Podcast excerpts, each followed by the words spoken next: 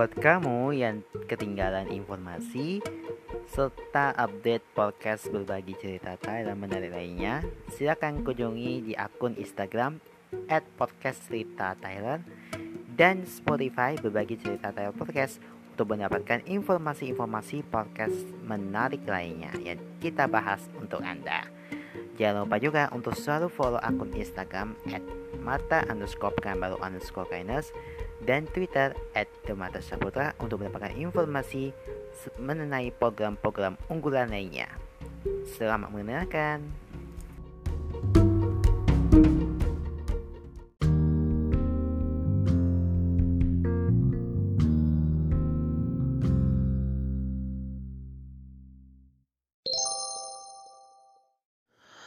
Baik lagi di podcast berbagi cerita Thailand spesial Ramadan yang hadir setiap hari memberikan informasi seputar bulan Ramadan kamu hanya di Spotify.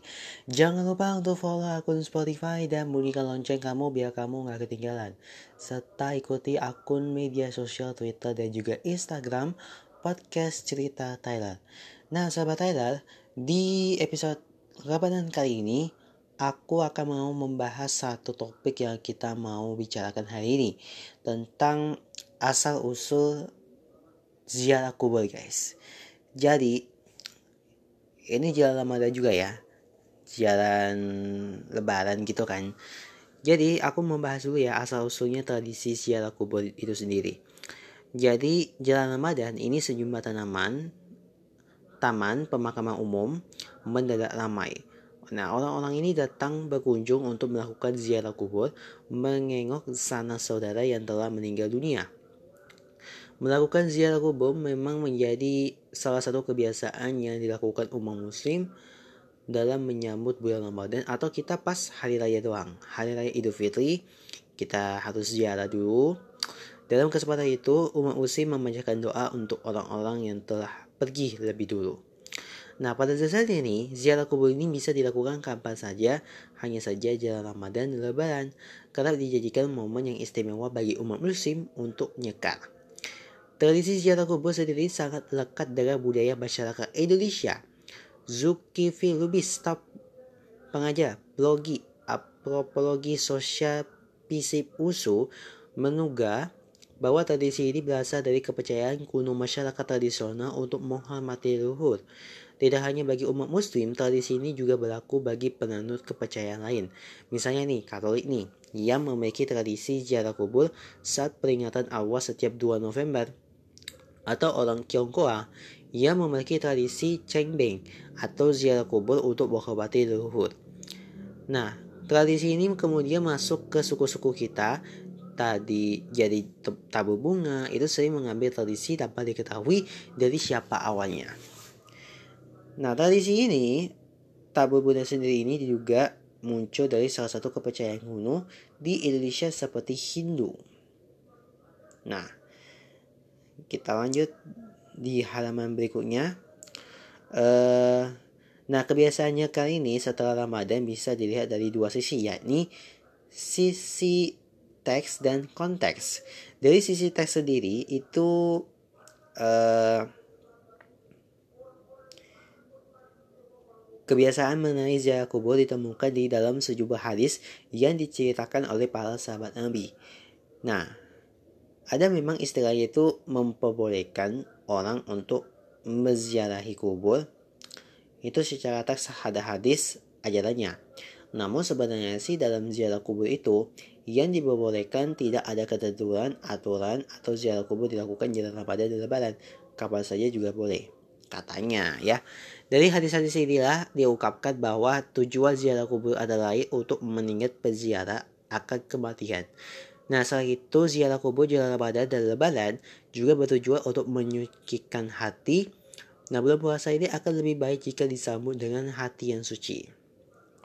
Ini tujuannya untuk menyucikan diri dari bagi peziarah, bulan Ramadan, bulan suci, bulan dengan kesempatan untuk mendapatkan pahala. Nah, kendaki demikian, Islam sendiri sebelumnya telah tak mengenal kebiasaan tabur bunga ya. Meski demikian, sejumlah ulama menyebutkan bahwa ziarah kubur akan lebih baik jika ada daun berwarna hijau yang dilakukan di makam. Nah, ajaran tersebut diasumsikan sebagai daun atau tanaman yang masih segar ya. Jadi hal ini menandung harapan bahwa orang yang dikubur di dalamnya bisa terlepas dari siksa kubur.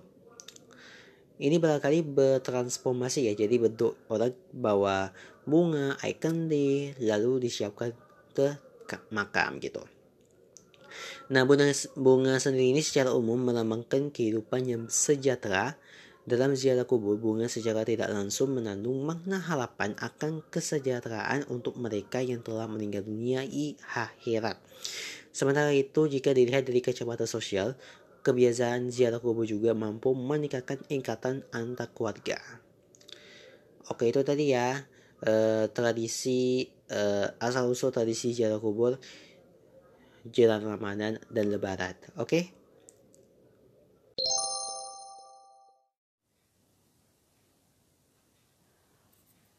Sekarang kita mulai.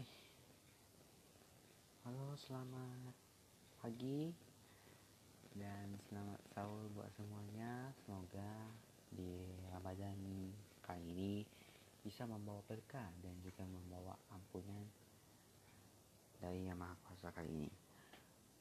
Oke sama saya Marka Saputra akan hadir dengan menjadikan berbagai informasi dan juga pengetahuan lainnya di segmen podcast berbagai cerita Tyler edisi Ramadan yang sudah kamu dengarkan di Spotify.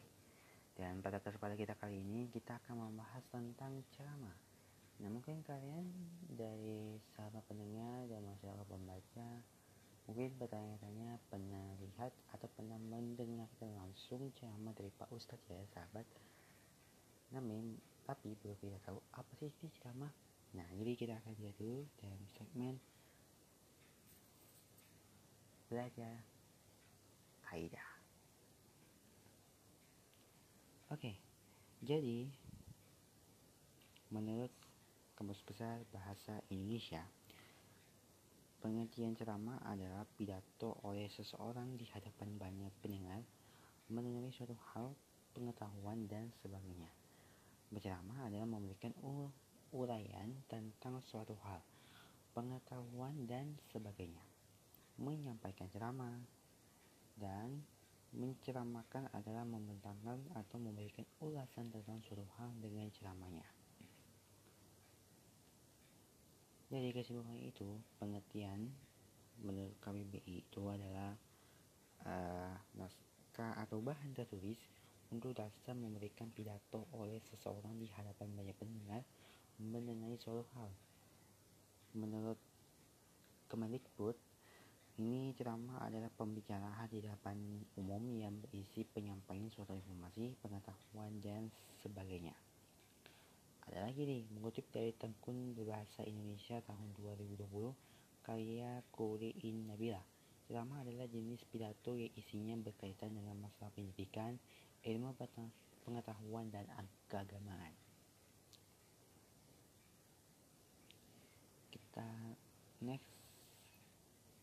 Nah, ceramah ini biasanya uh, berisi nasihat-nasihat atau petunjuk-petunjuk yang bertujuan untuk menyajikan uh, pendengar atau pembaca. Nah, isi ceramah atau informasi dalam teksnya itu biasanya disesuaikan dengan jenis kegiatan ketika ceramah tersebut disampaikan. Nah, tes ini dapat diperoleh dalam berbagai kesempatan, misalnya dari kepala sekolah, guru, pembina OSIS, pembina pramuka, tokoh masyarakat, dan pihak-pihak lainnya. Jadi, penceramah adalah pakar atau orang-orang yang menguasai di aja. Sedangkan orang yang mendengarkan ceramah biasanya melibatkan banyak orang, jadi manfaat ceramah bagi penceramah adalah bisa memberikan pengetahuan dan berbagi ilmu yang dikuasai kepada orang yang lain. Sedangkan manfaat ceramah bagi orang yang mendengarkan ceramah adalah mendapat informasi, ilmu pengetahuan, dan wawasan. Nah, media yang digunakan untuk menyampaikan ceramah bisa secara langsung atau tatap muka atau melalui sarana komunikasi baik media elektronik seperti televisi maupun televisi, radio maupun digital seperti internet. Oke guys, sekian dulu untuk kali ini di podcast berbagi cerita Thailand. Oh ya, kita akan menambahkan ada lagi. Jadi ini tips ya guys, tips and trick untuk menjaga stamina selama bulan puasa.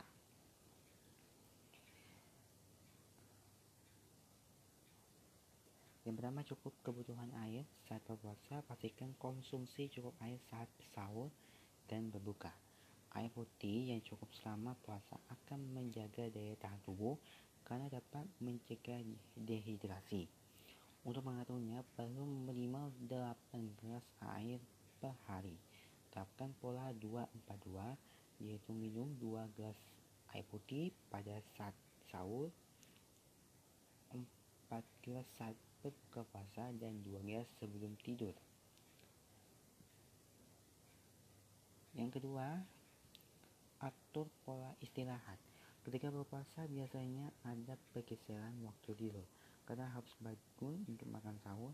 Oleh karena itu penting untuk memajukan waktu tidur dari waktu biasanya. Ini dilakukan agar tidak kurang tidur. Nah, pandai-pandailah dalam mengatur waktu agar aktivitas ibadah dan istirahat yang cukup bisa seimbang setelah sahur sebaiknya tidak tidur kembali karena akan menyebabkan sakit kepala dan merencanakan untuk berangkat ke kantor lebih pagi lagi. Next, konsumsi makanan bergizi dan atur asupan gula. Pilihlah makanan yang mengandung apati dan protein. Dilansir dari headline, mengkonsumsi sekitar 30% kalori makanan dan protein dapat mengurangi rasa lapar. Berbukalah dengan air putih, makanan rendah lemak, dan makanan yang mengandung gula alami untuk memberikan uh, memberikan asupan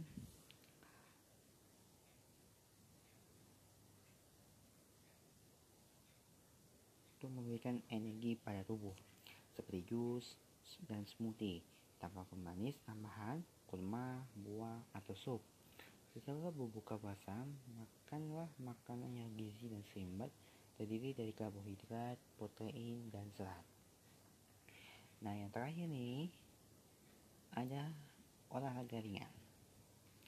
Banyak orang yang beranggapan kalau berolahraga saat berpuasa dan bisa menyebabkan beran menjadi lelah, pegal-pegal atau lemas.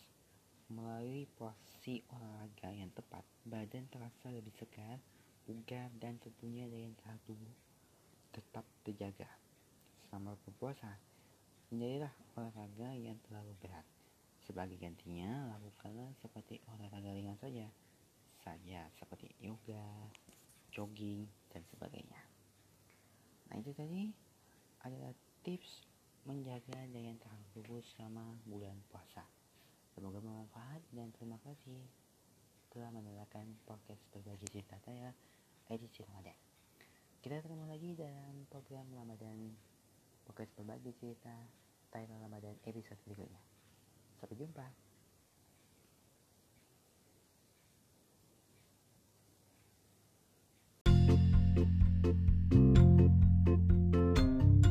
berbagi cerita Tyler hanya di Spotify.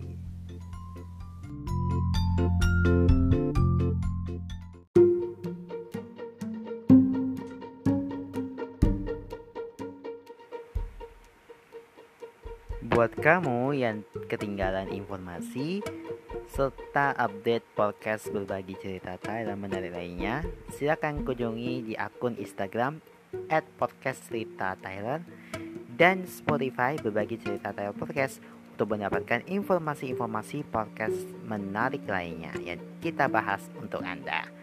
Jangan lupa juga untuk selalu follow akun Instagram at mata underscore baru dan Twitter at Demata Saputra untuk mendapatkan informasi mengenai program-program unggulan lainnya.